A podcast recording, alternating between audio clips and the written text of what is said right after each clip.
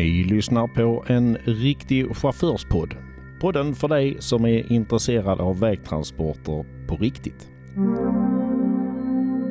Det här avsnittet handlar om någonting som vi alla behöver men som troligtvis många tycker är både krångligt och dyrt. Men om man inte sätter sig in i vad det egentligen är man köper så kan det bli betydligt dyrare. Det finns däremot lösningar som kan hjälpa dig på vägen. Lyssna vidare på det här avsnittet som vi presenterar i samarbete med tidningen Proffs, en riktig lastbilstidning. Och NTM, Quality on Wheels. Vi befinner oss på Scandic Hotel i Norrköping och runt det här bordet den här gången så sitter ju som vanligt jag, Göran Rosengren och min kollega Heidi Bodensjö. Välkommen hit Heidi! Tack så mycket! Inga olyckor eller andra fadäser på vägen hit? Det har varit fantastiskt väder att köra i och bra trafikrytm och nej, det har faktiskt varit riktigt njutbart. Det är ju tur det. För om man råkar ut för tråkigheter så är det ju en klar fördel om man är rätt försäkrad. Absolut. Mm. Och det får mig osökt att komma in på ämnet för det här avsnittet. Vi hälsar Per Hedelin och Andreas Johansson välkomna. Men jag måste börja med att fråga. Ni jobbar på ett företag som stavas Hype. Uttalar man det Hype eller Hype? Man kan givetvis uttala det precis som man vill. Men tanken bakom namnet är att hype, det ska stå för någonting som är lite nytänkande, som har lite hjärta, där vi utgår kanske mest från personen och kanske inte så mycket från produkten. Så lite hype. Och du håller med om det Andreas? Ja, jag får ju bara instämma, men det, det blir lite mer hype över allting. Ja. Berätta lite grann. Vem är ni och vad sysslar ni med? Ja, men som sagt, jag är Andreas eh, och vi sysslar ju med försäkringar helt enkelt. Eh, jag har själv eh, lång erfarenhet från försäkringsbranschen, både från försäkringsbolag och från mäklare. Eh, och lite som Per var inne på här så eh, försöker vi skapa någonting nytt. Mm, jag heter Per Hedlin och jag är åldermannen i vår lilla duo eh, som har gjort väldigt mycket tidigare. Kanske mer varit kund och köpt stora försäkringslösningar och jobbat med försäkringar från det hållet. Och min bakgrund är som kommunikatör, affärsutvecklare och har jobbat med tjänster och för några år sedan så träffade jag Andreas och eh, vi bestämde oss för att jobba tillsammans och eh, egentligen utmana en försäkringsbransch som ofta utgår ifrån produkten med att istället utgå från människan och människans behov eh, och sätta människan i centrum och sen så titta utifrån det om man kan bygga bra försäkringsprodukter som också har en hög service och mycket omtanke. Så att Hype är alltså inget försäkringsbolag utan ni sysslar med mäkleri kan man säga? Ja, det är helt korrekt det. Så vi, vi förmedlar försäkringar eh, men gör det på ett litet nytt och innovativt sätt. Och man kan också säga att vi gör två saker till. Det ena är att vi jobbar med kommunikation därför att kommunikation är väldigt tätt förknippat med försäkringar det behövs ordentlig kommunikation för att man ska förstå allt från sina behov till det man köper. Så att vi är både lite kommunikationsutvecklare och försäkringsutvecklare och sen jobbar vi också med affärsutveckling för företag. Att få företag att få ut mer kraft ur sina försäkringar, mer affärsnytta kallar vi det. I transportbranschen så finns det till exempel transportförmedlare och de brukar lite fult kallas för eh, procentare. Man går in och plockar lite procent på någon affär som egentligen kanske transportköparen kunde beställt direkt från ett åkeri. Är ni procentare i, i försäkringsbranschen? På ett sätt så kan man säga att vi är det. Men det som är viktigt är att vi förädlar ju någonting. Vad vi förädlar det är ju dels att vi med den kunskap vi har om försäkringar och den kunskap som vi skaffar oss om kunden, att vi verkligen ser till att man har den försäkring den service som är lämpad för en. För det är inte alla som är lämpade för exakt samma sak. Så att man kan, vi förmedlar kommunikation, information, försäkringar och givetvis så tar vi betalt för vårt arbete. Är det någonting som kunden märker på slutfakturan? För det är alltid sista raden som räknas tänker jag. Ja men alltså märker, det gör de ju absolut för det ska tydligt framgå eh, vårat arvode i det hela. Eh, men sen så ska de ju, de ska ju få någonting ut av det. Ehm, och vi var ju inne på det, produkter och tjänster innan. Det är klart att det går att köpa dem själv, ehm, men det krävs ju en, en stor kunskap för att kunna göra det. Men kan man köpa en, alltså en heltäckande försäkring från ett enda försäkringsbolag? Jag skulle nog vilja säga att ibland kan man göra det. Ehm, men i många fall så är försäkringsbolagen olika duktiga på olika saker. Så i många fall så går det inte. Eh, sen är ju försäkringsbranschen den är förändlig också. Eh, det gäller ju hela tiden att vara on top of things eh, för att, för att uttrycka det enkelt. Och är du inte det och inte har den kunskapen, då är det ju att vända sig till en rådgivare eller i det här fallet en förmedlare. Vi skulle ju inte haft en, en chans att överleva som företag om inte våra kunder upplevde att vi tillförde ett värde till dem. Så att jag skulle säga att eh, hela vår bransch tillför värden. Tycker ni att det är enkelt för en vanlig dödlig, en sån som jag till exempel, som köper min första dragbil, att köpa en fullgod försäkring idag? Uh, nej, det tycker jag nog inte. Uh, utan ska du kunna köpa det själv, det, det gäller ju att du har full koll på vad, som, uh, vad, vad, du verkligen behöver. Och det, det är väl lätt att säga så, om man bara utgår från produkten i sig för en lastbil, så kanske det är. Men det finns ju så många andra parametrar att ta hänsyn till. Om, om någonting händer i form av avbrott. Och det kan vara avbrott både för lastbilen eller för dig själv. Ja, för jag tänker lite då när jag köpte min första dragbil. Jag är så fortfarande inte bevandrad inom eh, försäkringar oavsett vad det gäller. Då kände jag så här att att eh, om någonting händer så har jag inget stort företag. Jag har en dragbil.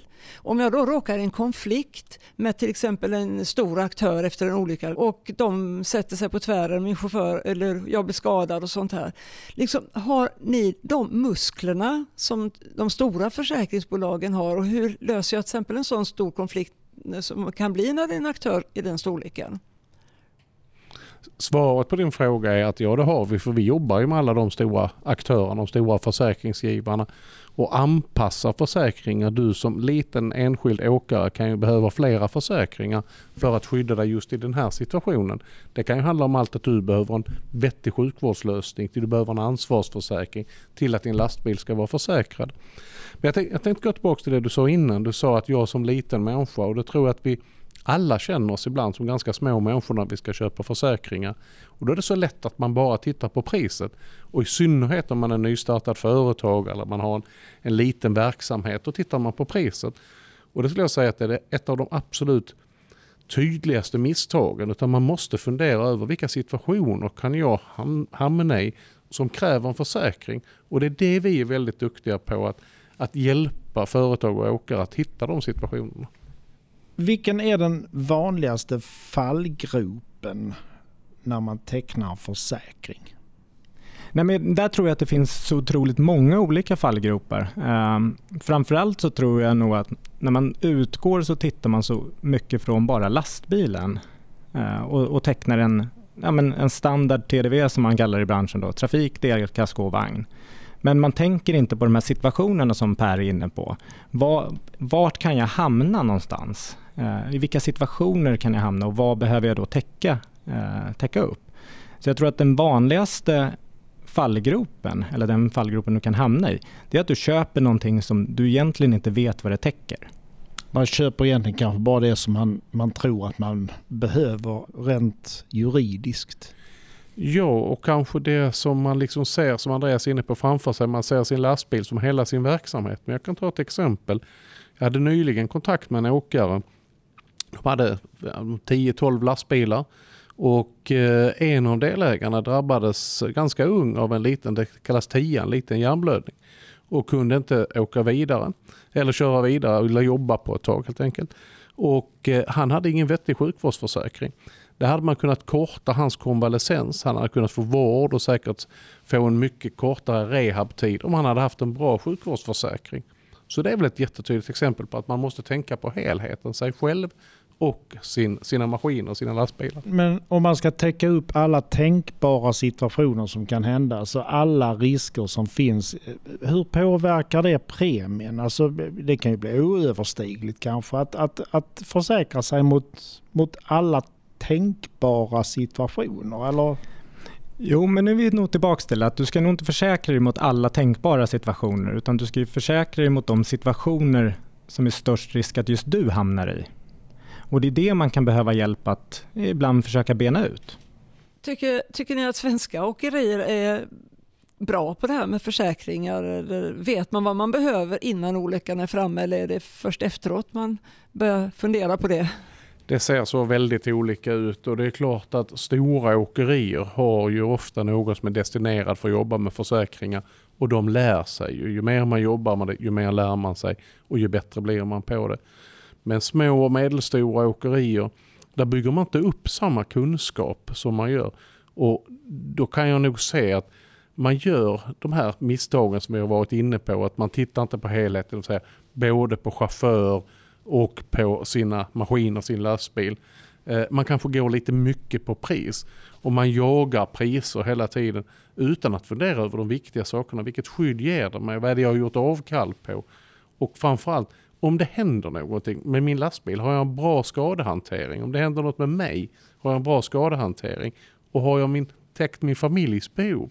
Om inte jag kan tjäna pengar, ja, då kanske man behöver fundera över hur ska det påverka det hela min familjesituation?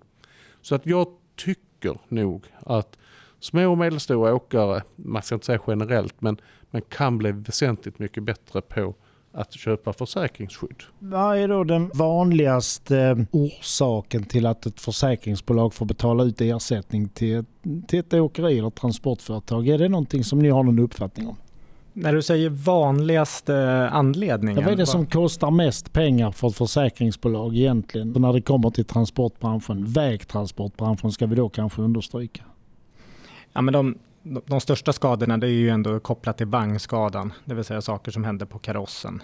Uh, där har du både frekvensen, det vill säga hur ofta det händer, uh, plus att det, en lastbil kostar ju mycket. Uh, det vet ju alla de som lyssnar här också. Jag funderar också på det här med alla tillgrepp i lastbärare och dieselstölder. Sånt har ju ökat lavinartat har man ju sett de senaste ja, tio åren.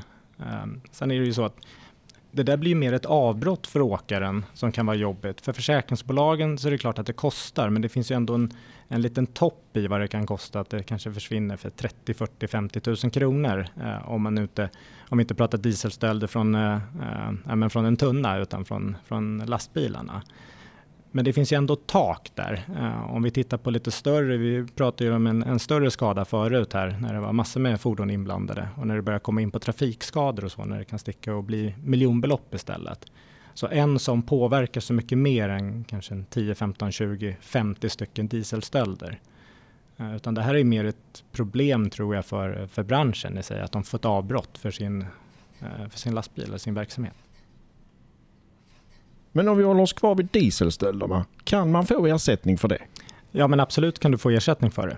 Eh, det finns ett, det finns ett moment eh, för stöld eh, som täcker även det. Men hur hög är självrisken? Ja, den här, det här generellt sett så, så är det ju svårare. Den kanske ligger på en 10 000 kronor um, ungefär.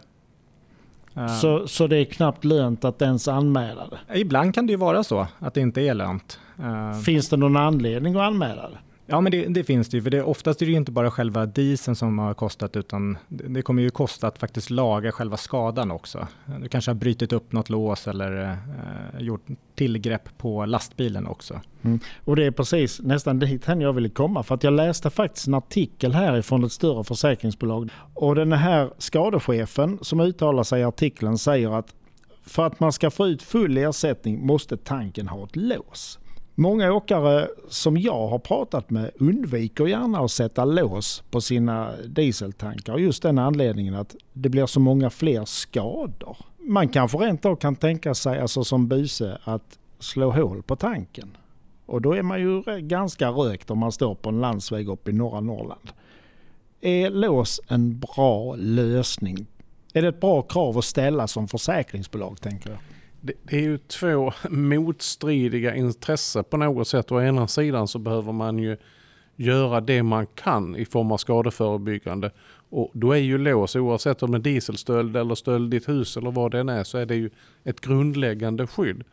Å andra sidan så undviker vi att använda det som är grundläggande skydd för att vi inte ska få skador. Så att man kan väga det mot varandra. Jag kan ju personligen tycka att det är ganska tråkigt att, att det är på det sättet. Att man undviker att ha lås därför att man förutsätter att man ska få en skada. Så att jag skulle ju hellre säga att man har lås och att man faktiskt hittar sätt att få skador lagade väldigt snabbt. Men kan du förstå att en åkare resonerar på det viset? För alltså egentligen, om man säger hans grundsyfte är ju egentligen att minska kostnaderna vid ett eventuellt tillgrepp. Jag förstår det fullt ut. Samtidigt som jag tycker att det någonstans också är en tydlig signal till de som utvecklar lastbilar framåt att man behöver hitta lösningar på det här. Vad är alternativet till lås eller en tank som går att slå sönder? Då måste man hitta bra lösningar på det. Och då är det ännu mer viktigt att man anmäler de här skadorna så att man har en tydlig skadestatistik. Ja, men det här är ett riktigt problem. Och så adresserar vi det till Scania, till Volvo och till Mercedes. Hur skulle en sån lösning se ut? Ingen aning. Där gick gränsen. Där gick min gräns, absolut. Men jag kan ju se då att det finns ju lösningar som man har utvecklat på andra transportslag, på personbilar, som gör att det är väldigt mycket svårare att, att sno bensin till exempel idag. Och jag tänker att den typen av lösningar, materialval för tankar, den typen av lösningar borde vara intressant att titta på. Vad tycker du en bra försäkring ska omfatta när man driver åkeri? Alltså, finns det skillnader i behov och är det stora skillnader, skillnader överhuvudtaget mellan små och stora åkerier man, som har anställda till exempel? Ja, men man kan väl börja med den sista delen där om det är någon skillnad på små och stora åkerier och det, är, det skulle jag väl säga är en jätteskillnad. Uh, för en liten, uh, liten mindre åkare, eller om vi pratar om både fårbils och lite eh, kanske upp till tio fordon, så är ju lastbilen är ju hela verksamheten. Om en stannar så påverkar det din verksamhet så himla mycket. Uh, om vi jämför med kanske ett stort åkeri som har 100 lastbilar så kan de lösa de flesta problemen ändå. Och där är vi ju inne på avbrotts, uh, avbrottsdelarna. Uh, vi pratar om avbrott för, för lastbilen men också avbrott för, för personerna, åkaren och chaufförerna i det här fallet. Har du två lastbilar och ni är två personer som kör och en är hemma, ja men då, då är det stora problem med 100 lastbilar så kanske man har 150-200 chaufförer. Och då är det inte lika stort problem om någon blir sjuk. Men då har vi ju de anställda också som måste omfattas av andra typer av försäkringar än den eh, enbilsåkaren som bara har sig själv. Är det skillnader där också? Det är ändå personer vi försäkrar. Det är jättestora skillnader därför att de större åkerierna har ofta antingen kollektivavtal där det finns väldigt bra försäkringsskydd eller så har man tecknat den typen av försäkringsskydd för sina medarbetare. Medan mindre åkerier har sällan den typen av skydd. Och det behöver man säkerställa själv. Och det är det som ska skydda till exempel när man blir sjuk eller man blir sjukskriven en längre tid. Det är sånt som ska skydda när man kanske vill ha barn och behöver ha föräldraledighet och liknande. Så det behöver man som mindre företagare, fåbilsåkare absolut se över skyddet för sig och sin, sin familj och sina eventuellt medarbetare. Mm. Man brukar ju säga det att personalkostnader och dieselkostnader är de två stora utgiftsposterna. Försäkringskostnaderna är ju troligtvis inte heller helt obetydliga i ett företag hur mycket ska man behöva lägga på en försäkring om man säger procentuellt på sin omsättning? Var, finns det någon sån kalkyl? Det var en av de svåraste frågor jag har fått. Jag ska säga att den är väldigt, väldigt svår att svara på just av det skälet att det ser så olika ut. Eh, beroende på hur många bilar man har, om man har medarbetare och så vidare, var man befinner sig i ålder och så vidare. Det är nästan omöjligt att svara på. Men däremot så måste man snarare då utgå från varje enskilt åkeri, medarbetares situation och titta på vad är det för försäkringsskydd man behöver. Och det ska ju vara möjligt för ett företag att bära en sån kostnad. Annars så finns det ju ett annat systemfel i branschen. Och där är du inne på någonting väldigt viktigt, för det här är ju ett skydd som ska vara förändligt också.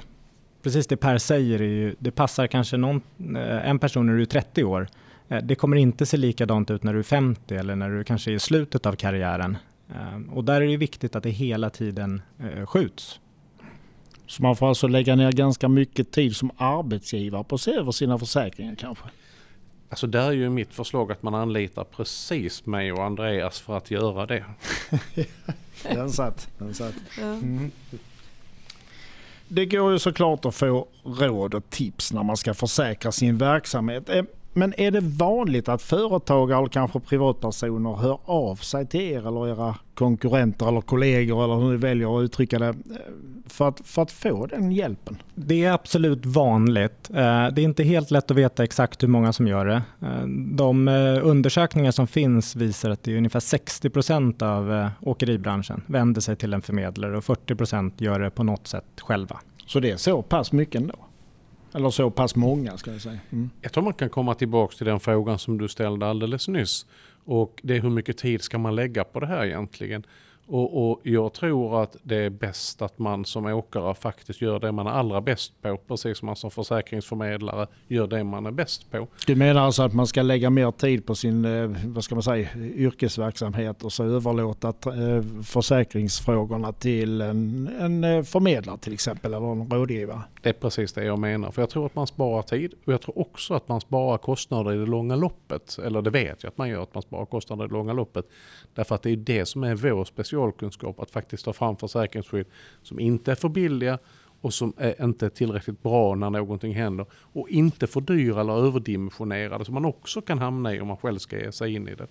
Så att jag tror att på det sättet vill man ha kontroll på sina kostnader som också handlar om att jobba skadeförebyggande så att man får en jämn utveckling på sina premier. Då är det jättebra att jobba med, med den typ av, av mäklare som vi är som har kunskap. Låt oss säga att om en av er kunder råkar ut för en skada så gissar i alla fall jag att det är ett av era upphandlade försäkringsbolag som sköter skadehanteringen. Stämmer det eller finns ni med i den processen också? Nej, men det stämmer att skaderegleringen sker som oftast hos försäkringsbolaget. Eh, men sen är vi absolut med om vi behövs. Eh, och ibland är det lite enklare skador eh, som bara flyter på. Eh, branschen har utvecklats väldigt mycket. Den är, blir mer och mer digital. Så ibland behöver man inte ens prata med försäkringsbolaget utan allting kan skötas via, via en app eller via en webb. Och då behöver egentligen ingen vara inblandad. Men vi finns ju alltid där som stöd om vi skulle behövas. För att eh, under förra året så har jag följt ett fall med just en mycket stor aktör där det hände en väldigt allvarlig olycka för eh, åkeriets chaufför. Så åkeriet var försäkrat i ett stort försäkringsbolag. Men det var även den här stora aktören och eh, där tog ju det försäkringsbolaget, som jag uppfattade det, alltså de tog ju inte överhuvudtaget någon hänsyn till åkeriet i detta läget utan vi, jag fick uppfattningen att det var locket på och det var mycket svårt. En sån situation uppstår när det är sådana här stora aktörer, till exempel en, stor, en försäkringsbolag har en väldigt stor kund som också är försäkrad hos dem och så kommer åkaren med behöver ersättning för en mycket allvarlig skada på både chauffören och på egendom och de sätter sig på tvären då försäkringsbolaget för de vill ju kanske behålla den stora kunden och struntar kanske då i den här åkaren som kanske har tre bilar. Vad hamnar ni i för situation då? Man kan väl börja med att säga att det är, det är en tråkig situation och det ska ju inte, försäkringsbolagen ska inte vara det. De ska utgå från vad som är rätt och fel, inte vilken kund som, eh, som är viktigast för dem. Eh, men det är väl här jag tycker egentligen det mest uppenbara fallet när eh, det är bra att ha en försäkringsförmedlare. Men har försäkringsförmedlaren något ansvar överhuvudtaget i att han har sålt rätt försäkring? Det har han absolut. Eh, att försäkringen är rätt, och det kanske man inte ska blanda ihop i det här fallet med om det händer en, en skada, men att försäkringen är rätt, det finns väldigt tydlig reglering från Finansinspektionen eh, att, vi har, att vi har med regler och lagar att följa upp och att det ska vara korrekt såklart när man använder sig av en försäkringsförmedlare. Och det har vi också ansvarsförsäkringar som täcker att vi faktiskt har gjort rätt. Det var lite dit jag ville komma, alltså om ni är försäkrade i er tur. För jag tänker eh, om det till exempel skulle, eh, en, en av era kunder skulle råka ut för en skada som sen visar sig att försäkringsbolaget backar ifrån. Eh, men ni har pratat med försäkringstagaren och intervjuat honom eller henne och bestämt därför att den här lösningen är det den bästa för dig. Och så händer någonting och så får de ingen ersättning. Hur drabbas ni av det här? Alltså har ni ett ansvar? Är ni försäkrade i er tur? Eller, eh... ja, det, egentligen så ser jag det väl här som två frågor. Vi är försäkrade om vi har gjort fel i vår rådgivning. Eh, det vill säga om vi har missat något uppenbart som du faktiskt skulle behöva. Eh, och det är ju så här, genom att använda som förmedlare så köper du egentligen en försäkring också eh, mot, mot att bli rätt försäkrad. Men, men är inte risken att det blir en tolkningsfråga som till slut landar i att åkaren förlorar? Men jag tror att man ska skilja på oss och försäkringsbolaget i det här fallet. Ja, men det är ni som har sålt försäkringen, tänker jag. Ja, ja, I grunden så förmedlar vi försäkringen och, och sen hjälper kunden att placera den hos det försäkringsbolaget som är bäst för den enskilda kunden. Om det sen går fel i ett, ett skadärende, att de skulle få, få nej på grund av att villkoret inte täcker det, eh, då hamnar ju vi i en position att om vi har gjort ett rådgivningsfel, eh, men det kanske man inte kanske man ska väl inte blanda det med att de, en villkorstolkning. Men vem, vem, avgör om ni har gjort fel eller inte? Är det ni eller finns det någon rättsinstans? Alltså ytterst är det ju så att det finns ett antal branschorganisationer som vi bland annat, alltså allt från eh, ja, vår, Försäkringsföreningen, eh, Finansinspektionen och så vidare som faktiskt eh, avgör huruvida det är vårt ansvar eller inte. Jag skulle vilja komma tillbaks till frågan om, som du ställde tidigare, det här att då hamnade åkaren i kläm. Eh, och så blir det om man, om man har en skada, och i det här fallet en jätteallvarlig skada, om man inte är nöjd med försäkringsbolagens alltså reglering av skadan, så finns det ju även där en oerhört liksom, ordentligt finmaskigt regelverk och instanser som faktiskt tittar på det här objektivt. Så att det är inte så att ett försäkringsbolag själv godtyckligt kan skadehantera och ställa den ena kunden eller den andra kunden mot varandra. Utan det finns ett jätteordentligt regelverk. Och är man inte nöjd med det så går det också att överklaga. Då är det så här att åkaren behöver ha någon som kan, som kan det här finmaskiga regelverket. Ja, och, och vi kommer tillbaka till liksom ursprungsfrågan. Så skulle jag vilja säga att vår roll är för det första att se till att, när, att man vet var man ska vända sig när det inträffar en skada. Det ska vi ju se till. Sen är det också jätteviktigt att när man anmäler skadan, om inte man har själv förmåga att anmäla den, man tycker det är svårt att göra det, är klart att vi bistår våra kunder med att titta på men hur ska man göra då för att anmäla den här skadan. Själva försäkringsbolagets skadehantering den kan vi aldrig påverka överhuvudtaget.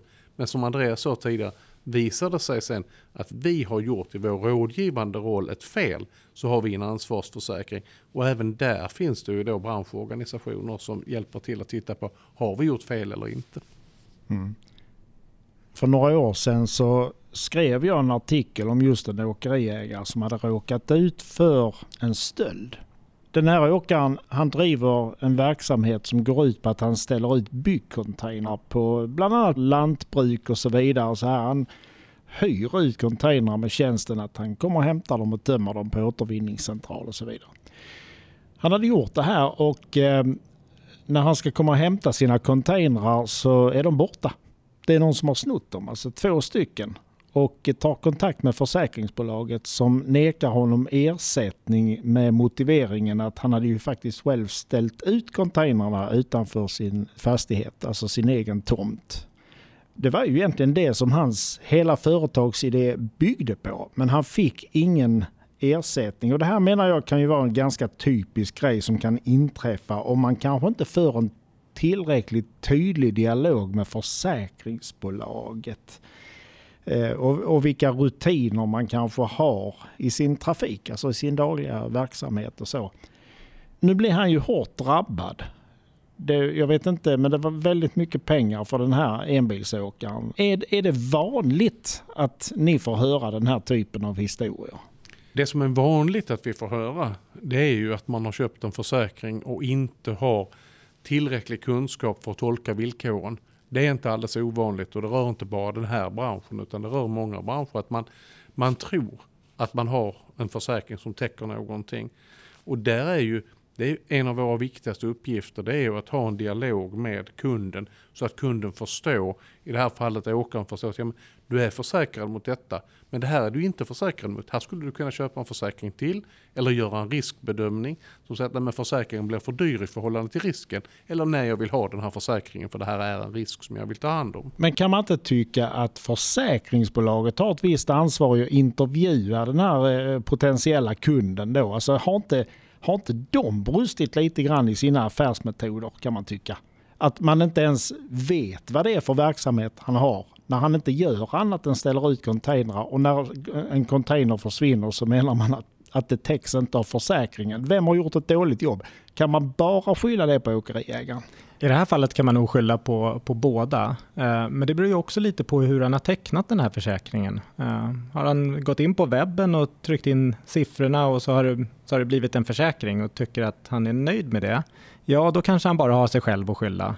Har han ringt in och bett om hjälp men då det, kan det nog vara ett lite delat ansvar eh, kan man väl säga här. Och då hade du som försäkringsbolag gått in med en goodwill-ersättning på något sätt? det, det, det, är väl standard i branschen att man alltid pratar om de här goodwill-ersättningarna. Eh. Fast handen på hjärtat där skulle jag säga till oss som sitter i det här rummet. Hur många av oss har läst hemförsäkringsvillkoren, bilförsäkringsvillkoren, eh, jag ska inte säga att jag hade gjort det jättenoga innan jag utbildade mig till försäkringsmäklare. Så att jag tror att det ligger också ett ansvar givetvis på den som tar en försäkring. Men när man jobbar med försäkringsmäklare, då är det en av våra arbetsuppgifter, det är ju att tydliggöra vad villkoren säger på ett tillgängligt sätt. Till och med i vårt regelverk så står det att vi ska göra det. Just det här med försäkringar, det är nästan lika jobbigt som att läsa en elräkning. Så att eh, det var intressant att ta del av de här synpunkterna. Och det är säkert fler än jag som eh, inte har koll på det här med försäkringar. Jag överlämnar det till min sambo, för han är mycket bättre på det. Så eh, visst, jag tror att det är viktigt att vi måste se över, att, vi, att man ser över sina försäkringar för att när olyckan är framme då är det för sent. Så är det naturligtvis. Har vi, har vi missat någonting? är det något mer ni vill tillägga i det här? Kan man ge några tips och råd? Jag tror att en sak som man kan ge som ett tips är att man ska inte se försäkringar som ett ont måste. Utan man ska se det som någonting som är väldigt viktigt om det inträffar någonting som inte man kan förutse. Och att försäkringar ofta handlar om mer än bara lastbilen eller lyftet. Utan det handlar om ens familj, om barnen, det handlar om ens medarbetare. Så att utgå mer ifrån personen och vad personen gör och vilka situationer den hamnar i än att faktiskt att försäkra just ett objekt. Objektet finns där också, det ska också försäkras. Så att ett lite större grepp på försäkringar. Och det är inte farligt och det är en kostnad som man tycker det är värt att ta om det har inträffat något. Mm. Jag skulle bara vilja belysa det Per pratar om här, att inte bara utgå från lastbilen och ett lyft, utan att ta det här i ett större perspektiv. Eh, och är du inte helt bevandrad i branschen och tycker att den är superenkel att gå igenom, vilket vi kanske har förstått idag att den inte är, så ta hjälp. Det kommer att gagna dig i, i framtiden.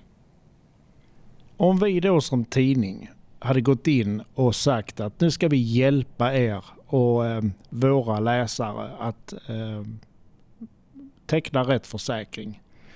Skulle vi kunna tänka oss att ingå någon typ av samarbete här där, vi tar, alltså där ni kan dra nytta av våra erfarenheter och vi kan dra nytta av era produkter. Alltså finns det någon, kan ni se någon koppling mellan Hype och tidningen Proffs som skulle kunna gagna eh, branschen och våra läsare?